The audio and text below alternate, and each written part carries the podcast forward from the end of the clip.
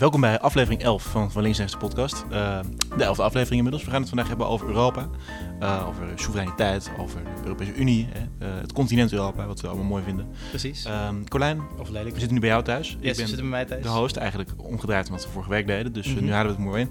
Ik zal maar gewoon meteen aanvangen. Hoe was jouw week? Mijn week was eh, super. Ik heb eh, nog steeds vakantie. Ik heb gewoon eh, lekker één dagje gewerkt.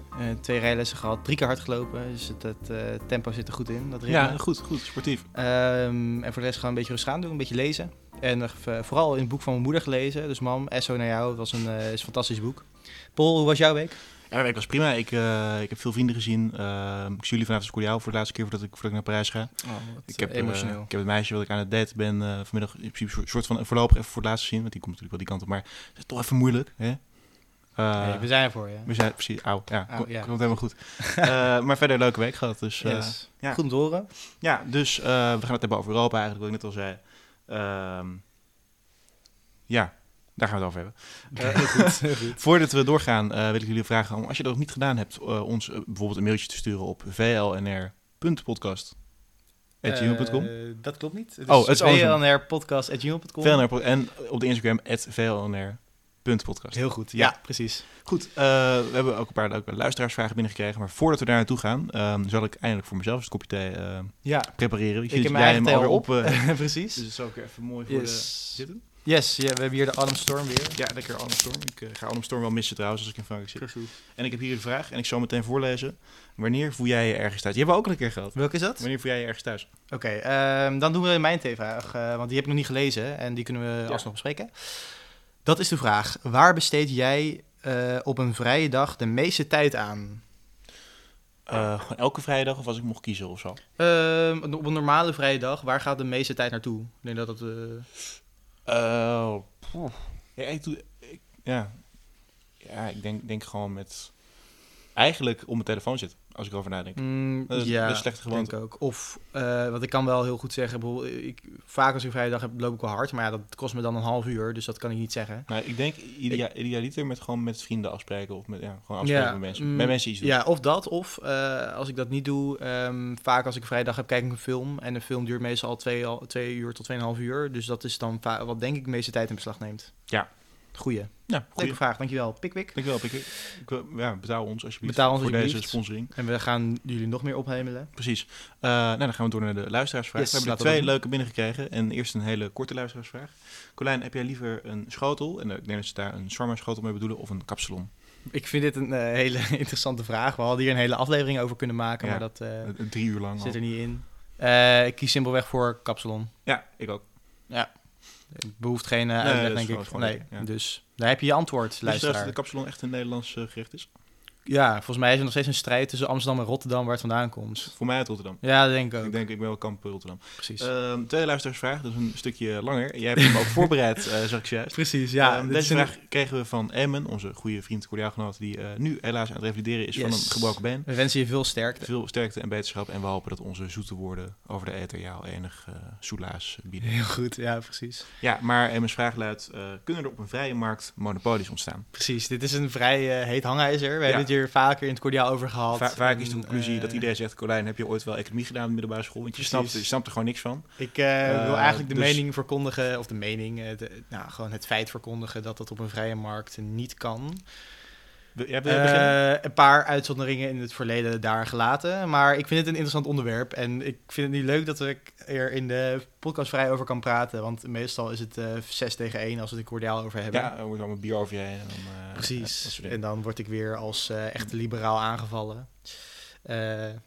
Je- ik zie je heel moeilijk kijken. Nee, ik, ik, laat- je even alleen met die, met die Ja, nou, ik heb er dus gisteren best wel wat over eh, op zitten zoeken. Ehm, en het, dat, dan kom je eigenlijk al op een vrij eh, lastig punt gelijk, omdat er verschillende eh, definities van een monopolie zijn. Ik denk dat heel veel mensen gelijk op de middelbare school aangeleerd krijgen van ja, dat is gewoon één bedrijf ehm, dat een soort van als enige een product maakt en daardoor, daardoor macht, de enige macht heeft op, een, op, die, op die markt. Ja.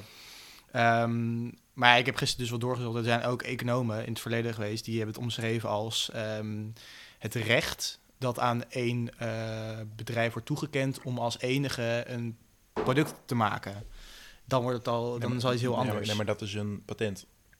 Of Eh, een... ehm, nee, niet helemaal. Of een uh, kunstmatig monopolie. Als bijvoorbeeld een bedrijf een uit uitvinding heeft gedaan, dan mag het zeker voor ja, zoveel jaar nou ja, zelf doen. Precies. Als je bijvoorbeeld opzoekt op internet, dan is het weer uh, een situatie waarop uh, in een markt één aanbieder als enige um, de markt beheerst. Okay, maar dus definities um, daar gelaten? Precies, ja. Want op deze markt komt het, op de, in deze tijd komt het op een, op een markt vrij, vrijwel nooit voor dat één bedrijf de enige macht heeft. Er is één uitzondering en daar, die moet ik zeker noemen. En dat is de markt van, uh, van de zorg, van, van medicijnen. Het kan wel eens voorkomen dat een bedrijf als enige um, um, iets heeft uitgevonden tegen een specifieke ziekte. En daardoor heel veel geld ervoor gaat vragen. Dat gebeurt. Daar zijn ook uh, goede boeken over geschreven onlangs. Um, dat is ook de reden dat we het in Nederland gewoon goed voor elkaar hebben. Dat je voor dat soort medicijnen gewoon uh, goed verzekerd bent. In Amerika is bijvoorbeeld de prijs voor, een, uh, voor insuline, was het geloof ik, als je diabetes hebt, voor zo'n spuit. Ja is uh, volgens mij wel acht keer hoger dan bijvoorbeeld in Canada. Dus dat is, dat is een, een, een slechte situatie. Daar en, en, ik, en ik heb wel eens gehoord dat gewoon als, het, als er een CEO-wissel uh, mm -hmm. is, dat ze dan de prijs ineens met 400% op kunnen krikken. Of, uh, dat, dat gewoon omdat ze die macht hebben. Precies, ja. ja. Dus dat is, dat is een, een, een lastig voorbeeld. Evenals uh, bijvoorbeeld uh, een goed voorbeeld van de monopolie in het verleden um, door meneer Rockefeller. Ja, de olie. Precies. Ja. En dat vind ik weer een, een andere situatie, omdat het een fossiel product is. Het is natuurlijk heel anders dan een innovatie als je gewoon als enige macht hebt om, uh, om olie uit de grond uh, te boren. Ja. Maar in andere situaties uh, is het juist, um, zijn het juist de, de, onvrije markt, laat ik het zo zeggen, waar monopolies op plaatsvinden. Bijvoorbeeld in Nederland de markt voor treinreizen. Daar is een semi-overheidsbedrijf eigenlijk de, de, enige die, dat, die die markt beheerst. En daardoor zijn treinkaartjes in Nederland juist veel te hoog, naar mijn mening. Nou, ik, ik kan meerdere treinaanbieders opnoemen als je dat uh, wil. Uh, ja, je bedoelt ook Arriva en zo. Ja, Arriva en in het oosten van het land heb je dan weer andere dingen. En, uh, ja, ja, maar laat eerlijk zijn. Maar het is NS met, met name de NS. Ja, ja precies. En, nou vind ik dat niet zo'n heel ehm, kwalijk iets, want dat vind ik best wel een publiek goed, de trein. Oké, okay, maar daar ga ik... Klopt, maar juist die prijs is veel te hoog naar mijn mening. Oké, okay. maar, maar dus onze markt is niet zo vrij en dan monopolie en oké. Ja, nee, op, op andere, andere gevallen is het uh, onmogelijk voor een monopolie op, ont, uh, ont, op ontstaan op een vrije markt. Um, ik ben benieuwd of jij voorbeelden kan noemen.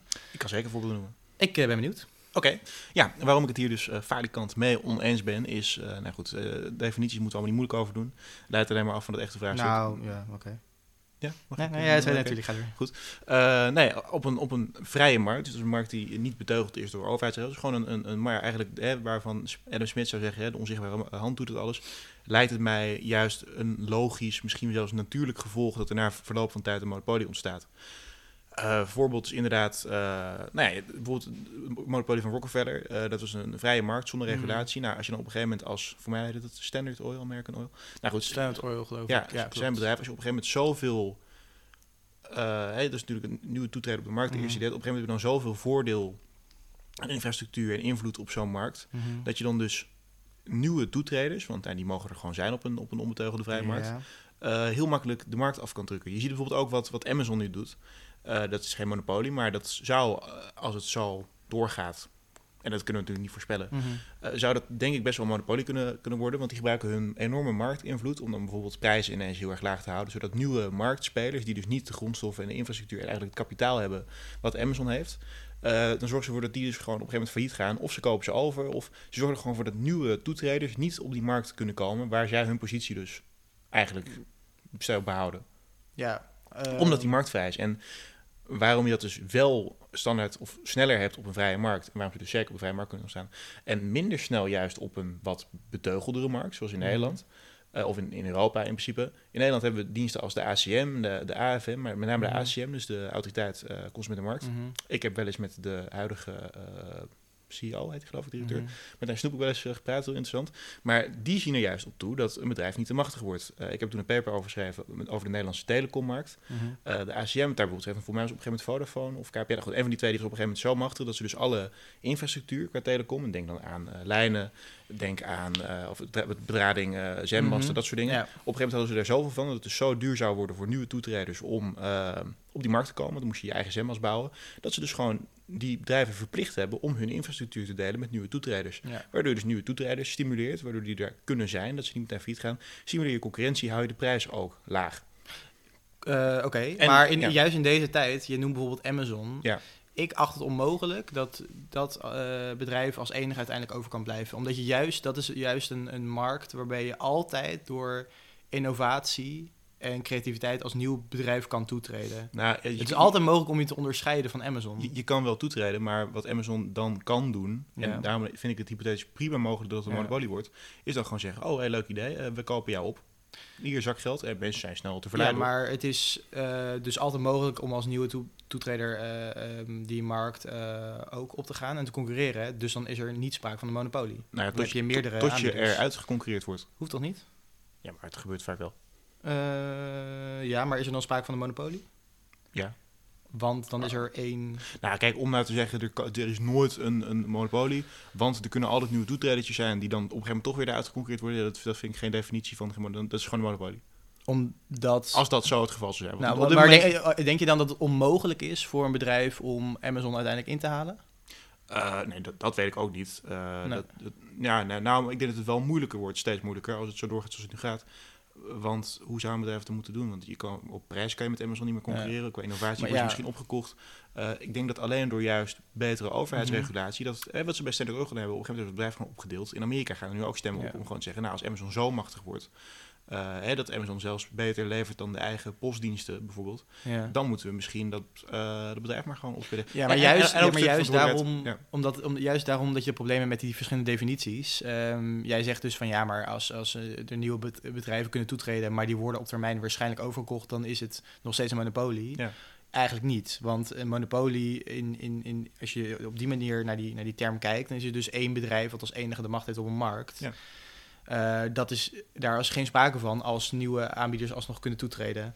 Dus daarom is het een, een, een kwestie van, van die definitie eerst vaststellen. Want juist als je bijvoorbeeld kijkt naar de definitie, het is een, een recht dat een bedrijf als enige heeft om een bepaald, eh, eh, bepaalde dienst te leveren. Dat is juist iets wat alleen kan ontstaan in een markt waarin de overheid de, de, de macht heeft. Ja, dan zou een overheid een bedrijf dat bepaalde rechten kunnen geven. En, je, en alleen dan kun je, kunnen er monopolies ontstaan. Maar daarom is het dus lastig. Je hebt gewoon letterlijk economen die een monopolie op die manier omschrijven. Ja. Dus ja, in dat geval eh, is het juist een markt waarin een overheid actief is, waarop eh, monopolies kunnen ontstaan. Ja, oké, ik, ik blijf het er gewoon niet mee eens.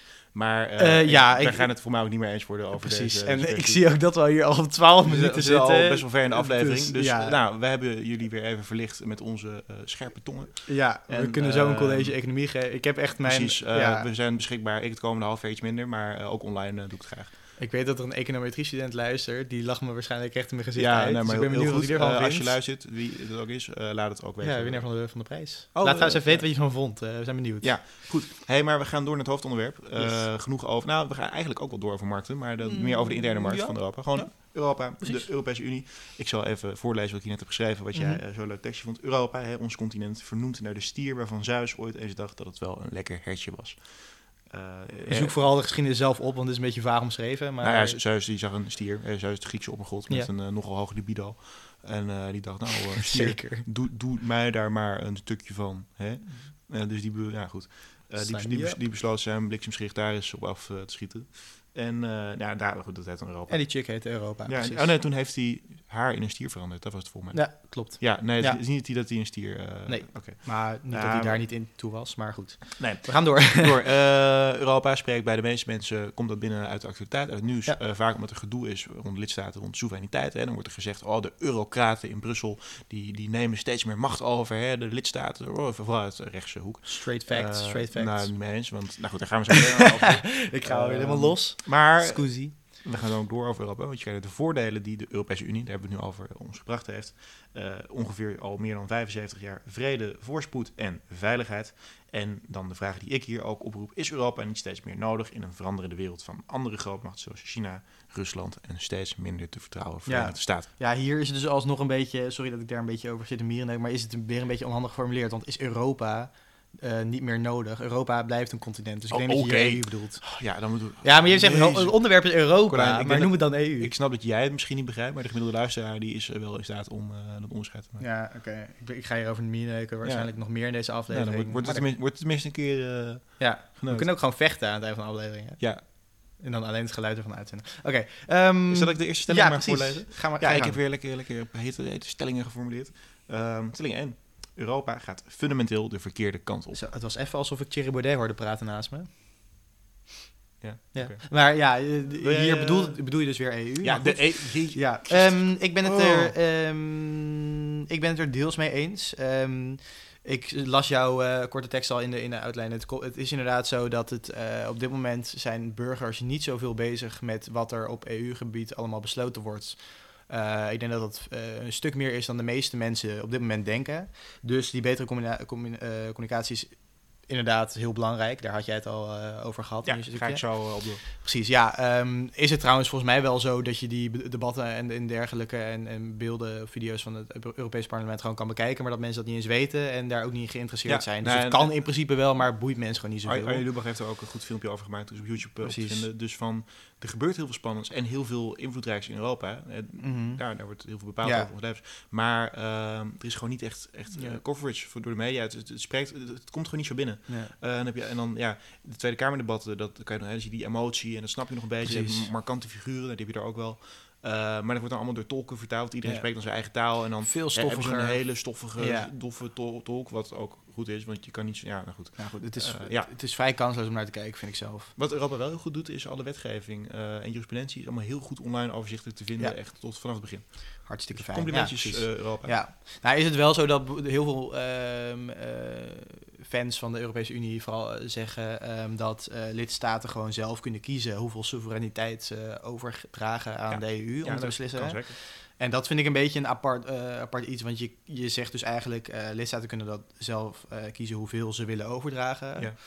Maar dan is het weer, zeg maar, wie is ze? Dus je kan zeggen dat zijn, De- dat zijn dus de regering, maar misschien staat het volk daar niet zo achter. Ja, maar je die- zeggen die zijn gekozen door het volk. Ja, maar dan, dan houdt toch nu verkiezingen en dan komt er een Eurokritische partij bijvoorbeeld. En dan, eh, Ja. dan zeggen ze nou, eh, nou, liever niet. En dan sturen ze... Wat, dat, Ja, dat- nou, dat- ik, vind, ik, nou- vind, ik vind het daarom belangrijk, omdat de EU steeds meer be- bepaalt dat partijen steeds duidelijker moeten zijn, vind ik, in, eh, Ja. voor verkiezingen, Wat- hoe zij daarin staan. Nou ja, en, en ook, want dat is ook een misvatting die mensen over Europa Mhm. hebben, is wat politici, met name dus nationale politici, Mhm. vaak eigenlijk verkeerd doen, Mhm. is die eh, beschrijven niet aan de burger wat zij allemaal zelf in Europa doen. Dat Mark Rutte Nee, ook vaak precies. aan in, in Europa.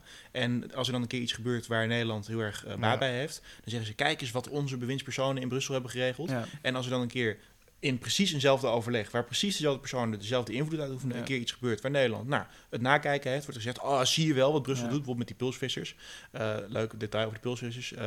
In principe was pulsvisserij helemaal geen probleem, stond Europa best wel positief Dat tegenover. was Frankrijk niet kut vond of zo. Ja, omdat Nederland Ja. eh, best wel arrogant gewoon die onderhandelingen inging en gewoon bleef vissen. En Frank was, hé, maar dit kunnen toch... Nee, maar Nederland moest, eh, moest graag doen. Ja. Hè? En jij, ja, ik die VVD eh, met die tijd. precies.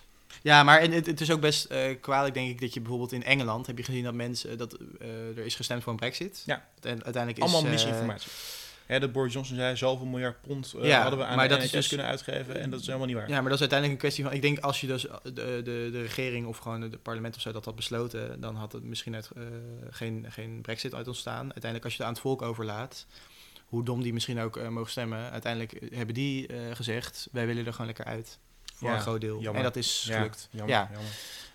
Goed, eh, heb jij nog, Ja, ik, ik, even kijken, ik zit even te lezen. Misschien kun jij alvast eh, over jouw stelling beginnen, dan lees ik nog even mijn Ja, dingen door. ja, nou, ik ben het dus niet mee eens met dat we fundamenteel in Europa de verkeerde kant op gaan. Inderdaad, ik had het al net over dat Europa... ehm, oh nee, dat was voordat Ja. we aan deze opname begonnen. Ik heb het hier net met Colijn over gehad. Dat dus Europa natuurlijk oorspronkelijk begon als eigenlijk wederopbouwinitiatief. Hè, de EGKS, hè, voor kolen en staal. Dat het vooral ging over die interne Mhm. markt, eh, die verschillen Ja. oplossen. En inderdaad, dat je zeker de laatste 20, 25 jaar toch wel ziet...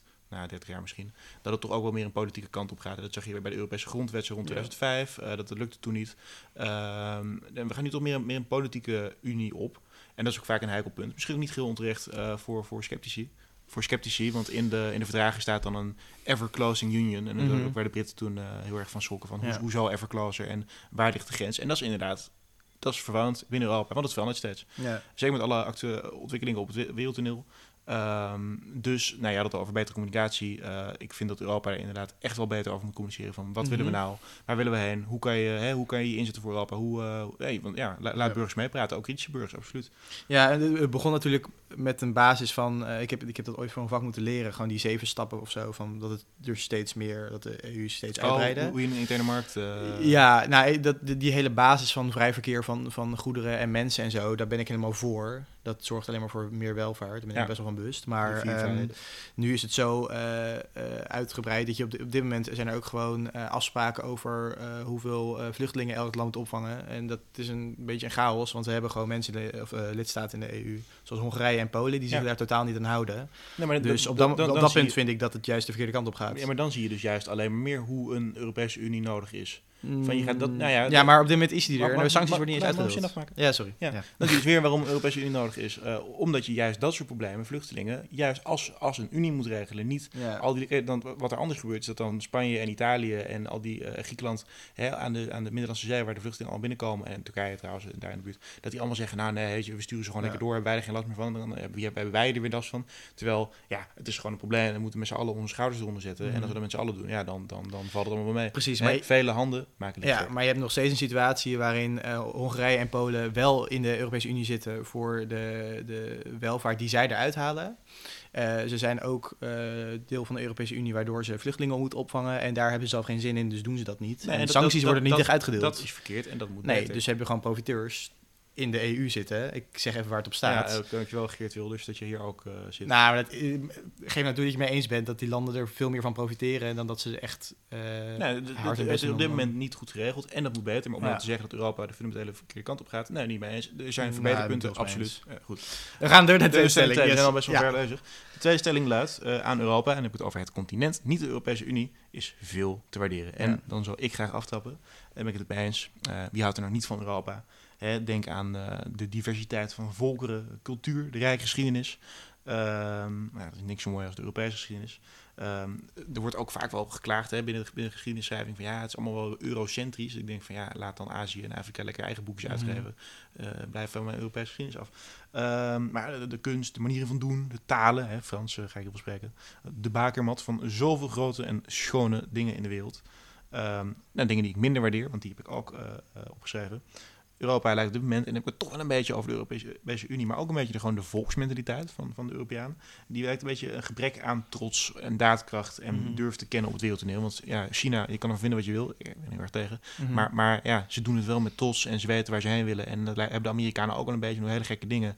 Maar die gaan er wel eh, 110% in. Ze zijn wel En, trots. ja, en ik vind wel dat Europa allemaal weer, oeh, oeh, sorry. En dan weer sorry zeggen voor het verleden. En oeh, als, we, als, we, als we maar niet op teentjes trappen van, joh, we mogen best wel daadkrachtiger zijn. eh. En trots. Oh ja, en, en, en trots. En waar ik ook tegen ben, eh, wat ook uit Europa komt, eh, of uit Europa, uit veel in Europa zin, monarchieën en eh, de systemen van adel. Verschaf het gewoon lekker af. Vind je, vind je dan dat bijvoorbeeld de EU zou moeten beslissen, alle lidstaten van de EU, dat moeten gewoon republi Nee, dat hoeft de EU niet te beslissen. Maar ik, ik heb het nu over het continent. Hè? Nee, dat- ben ik tegen. Ja, nou, ik, vind, ik, vind, ik ben het niet eens met deze stelling. Ik ben het best wel mee oneens. En dat ligt ook een beetje aan de formulering. Ik, ik zie zelf eigenlijk geen enkele Europese cultuur. Cultuur of, of geschiedenis of kunst, dat koppel ik altijd aan een specifiek land. Ehm, en als je dat dan zou moeten bundelen, zou ik eerder zeggen... wij hebben heel veel te danken aan de westerse samenleving, de westerse beschaving. En dan dat beschouw ik als ehm, West-Europa en de Verenigde Staten. Ik zie daar die, die landen veel meer overeenkomen dan bijvoorbeeld eh, Nederland en Bulgarije, ik zeg maar wat. Die, daar zit zoveel meer, eh, meer verschil in. Ehm, dus ja, ik sowieso ehm, geschiedenis koppel ik, eh, koppel ik vaak aan een land en niet aan een, aan een werelddeel. En ik vind de westerse landen van Europa veel meer vergelijkbaar met ehm, de Verenigde Staten dan met landen uit Oost-Europa. Dus ik zou gewoon zeggen aan de westerse samenleving meer te danken, niet aan Europa als geheel. Ehm, dus ja, eh, het is natuurlijk ook maar gewoon een, een geografische Ja, benaming voor, voor landen ten westen van Rusland. Dat is Europa. Maar dat- ik, dat- er zit zoveel is- verschil in dat, dat ik eerder zou zeggen. ehm, de landen uit de westerse samenleving die horen veel meer bij elkaar. Dus dan zou ik het daardoor daarop noemen, zeg maar. Dat is interessant dat je zegt, landen ten westen van Rusland, ook dus de definitie van waar nou de grens van Europa Ja, als continent ligt. klopt. Dat is, eh, dat, dat ligt al vaak ter discussie van hoort Oekraïne er dan bij? En Ja. is, is Rusland dan niet eigenlijk ook een Europees land? Nou ja, vraag het aan Ja, en- het Tsaar Peter de Grote, die had ja gezegd. Want bijvoorbeeld Eh. het- Turkije hoort er dan bij, maar vol- volgens sommigen hoort bijvoorbeeld het oostelijke deel van Turkije dan weer bij Azië. ja, dus tot, dat, met, is, tot met Istanbul zou het dan Europees zijn. Dan zat er weer een Aziatisch deel allemaal... dat is al vrij kansloos. lastig. Dus, Nou, oké, ja, even rustig aan. Sorry, Gewoon sorry, een gra- eh. grappig feitje. grappig feitje, ik vind het onhandig. Ja, ik vind jou onhandig. Ja, Ja. oké. Goed, we gaan door naar de derde stelling. Nou, je Eh. hoort het maar in één keer. Ja. Oké, fijn. Dat om is te stelling drie en tevens de laatste stelling. Ehm, Europa, en dan heb ik het over zowel het continent als de Europese Unie, gaat een glansrijke toekomst tegemoet. Colijn. Eh, ja, dus eh, de EU gaat een glansrijke toekomst tegemoet. Ehm, ik ben het oneens met deze stelling. Wederom, wat een verrassing. Trouwens ook een beetje hetzelfde als de eerste stelling trouwens. Dus de verkeerde kant op of geen gl- glansrijke toekomst tegemoet. Maar goed, Ehm, ja, ik, ik zie dus niet een toekomst in de EU als groot instituut om, om landen bij elkaar te houden en een groot front te vormen tegen bijvoorbeeld China. Ik zie eh, de NAVO daar eh, als een veel betere organisatie voor. Ehm, ja, ik wil dat we veel eh, grotere vuist kunnen, kunnen opsteken tegen China. eh, maar de NAVO is daar veel geschikter voor, omdat je dan ook samenwerkt met de Verenigde Staten. En die stellen wel wat voor ten opzichte van China. En niet Nederland of Duitsland eh, onderling. Ik zie je heel moeilijk kijken. Ja, voor mij heb je, onderschat je heel erg wat Europese landen allemaal uh, Ja, maar capaciteit wat- hebben hoor. Ja, maar wat... Oké, je hebt nu O- o- over, ooit, ooit over, wat het... Ooit over Duitse tanks gehoord, Colijn? eh, ja, maar je hebt nu eh, opgeschreven... Ik zeg het ook in je aantekening dat we een... Maar, ja. China willen laten uh, dat, dat, wil ik zeggen. Oh ja, zeg, zo, zeg maar. Dat komt zo meteen. Ja, ik had Ja, opgezegd- maar oké. Oké, we komen zo. oké. ja. Ik had gezegd, ja, ik ben het er wel mee eens, maar dan zeg ik, het hangt er vanaf, want het is aan ons en als Europeanen en de Mhm. keuze die we nu maken, inderdaad, het is nog maar de vraag hoe we met Europa als instituut, dus de Unie, verder willen. Ehm, als ik mag kiezen, dan wil dat Europa een nog prominente rol op het wereldtoneel neemt. Ik wil juist onder die paraplu van de Amerikanen vandaan. Dat is toch hartstikke onbetrouwbaar. Hè? Als je een gekke president krijgt, dan eh, Mhm. we- weet je niet wat je moet doen. Eh, en al die bedrijven, al die invloed, dat wil je allemaal niet. Ehm, ja, soft power, hè, dat is ook een mooi voorbeeld. Soft power houdt in, voor de luisteraars die het niet weten, van je kan natuurlijk wel via hard power, hè, dus eh, via, via wapens en dat soort dingen, je invloed op de wereld eh, doen gelden. Maar Europa Mhm. bedient zich vaak van soft power, de Europese Unie.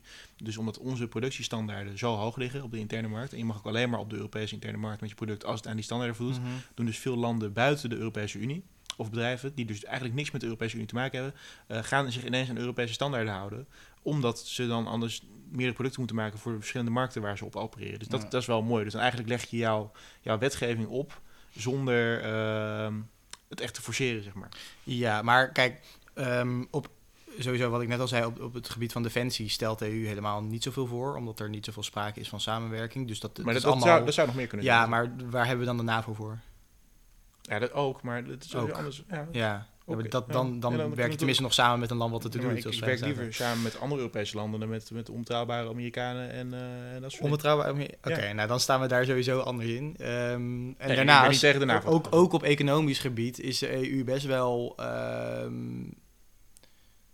best wel. En dan- Oké, ik ga nu zeggen zwak, dat zul je misschien apart vinden. Maar kijk, we hebben bijvoorbeeld. Ja, dat is een van de, een van de sterke... Nou, het is, Ja, het, maar- het is niet Azië of eh, Amerika, met Maar het is sterke, ook- sterke Het kennis. is ook moeilijk te volgen, want we hebben dan de Europese Unie eh, met volgens mij 27 landen.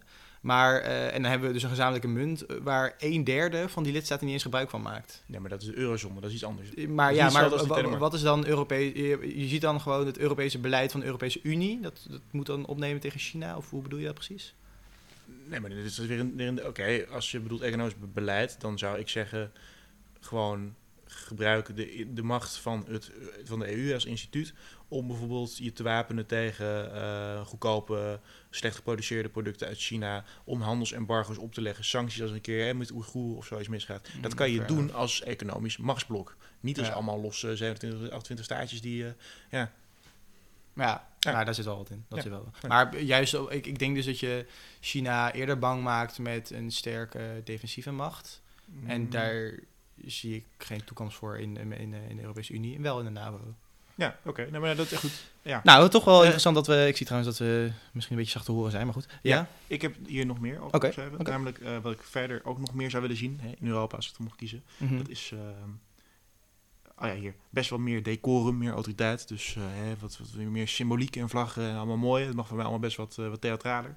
Eh, je gewoon die, de Europese vlag, vind je die mooi trouwens? vind ik wel, vind ik wel mooi. Ja, Ja? Ik, ik, vind, ik kan, kan misschien wel mooi. Maar dat. Ja, en ehm, we gaan het weer over het sidderen hebben. Dus niks, geen oneindige tolerantie voor kwade zaken als wat China met de Oeigoeren doet en al dat soort dingen. Dus ik heb opgeschreven, ik wil dat China siddert en beeft voor Ja. onze Europese sterke vuist. Ehm, in staat een lichtend voorbeeld te zijn voor de grote problemen van deze tijd. Ja. Amen. En dan wil ik ermee afsluiten dat ik alsnog denk dat China banger is voor eh, de westerse landen samen met de Verenigde Staten dan de EU zoals die nu samengesteld is. Maar dat is een, eh, een mooi meningsverschil mee te Ja. eindigen, denk ik. Ja, ja ik, eh, Colijn, ik moet eerlijk toegeven, deze aflevering heb ik me flink aan je te ergeren. En, Ja, en je mening. Insgelijks. Ja, mooi. Ja, toch wel interessant. Het is zo'n, ik vind, vind zo'n wat formelere, serieuzere aflevering ook wel eens leuk. Ja. Hè? Heb je nog wat van me Eh, kunnen leren? Nee, niet, nee, nee, nee, niet, niet echt. Ja. Ja, wel, wel geleerd van, god, hij heeft, ja, het wordt niet beter, zeg maar.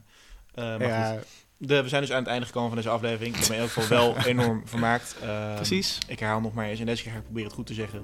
Eh, volg ons op Instagram op vlnr.podcast. Heel goed. En op de Gmail kan je ons al bereiken op vlnrpodcast.gmail.com. dat kun je wel. Eh dit was de laatste aflevering die wij hier samen gezamenlijk fysiek in Nederland hebben opgenomen. Ja. Vanaf volgende week vrijdag zit ik in Parijs. Dus ik hoop dat het allemaal goed gaat. hou je op de hoogte. Ik ook. En, Ik wens je heel veel succes in Parijs. Ja, Het gaat sowieso goed komen. Ja. De podcast gaat gewoon door. Dus we spreken jullie volgende week weer. yes. Tot Au- dan. Au revoir.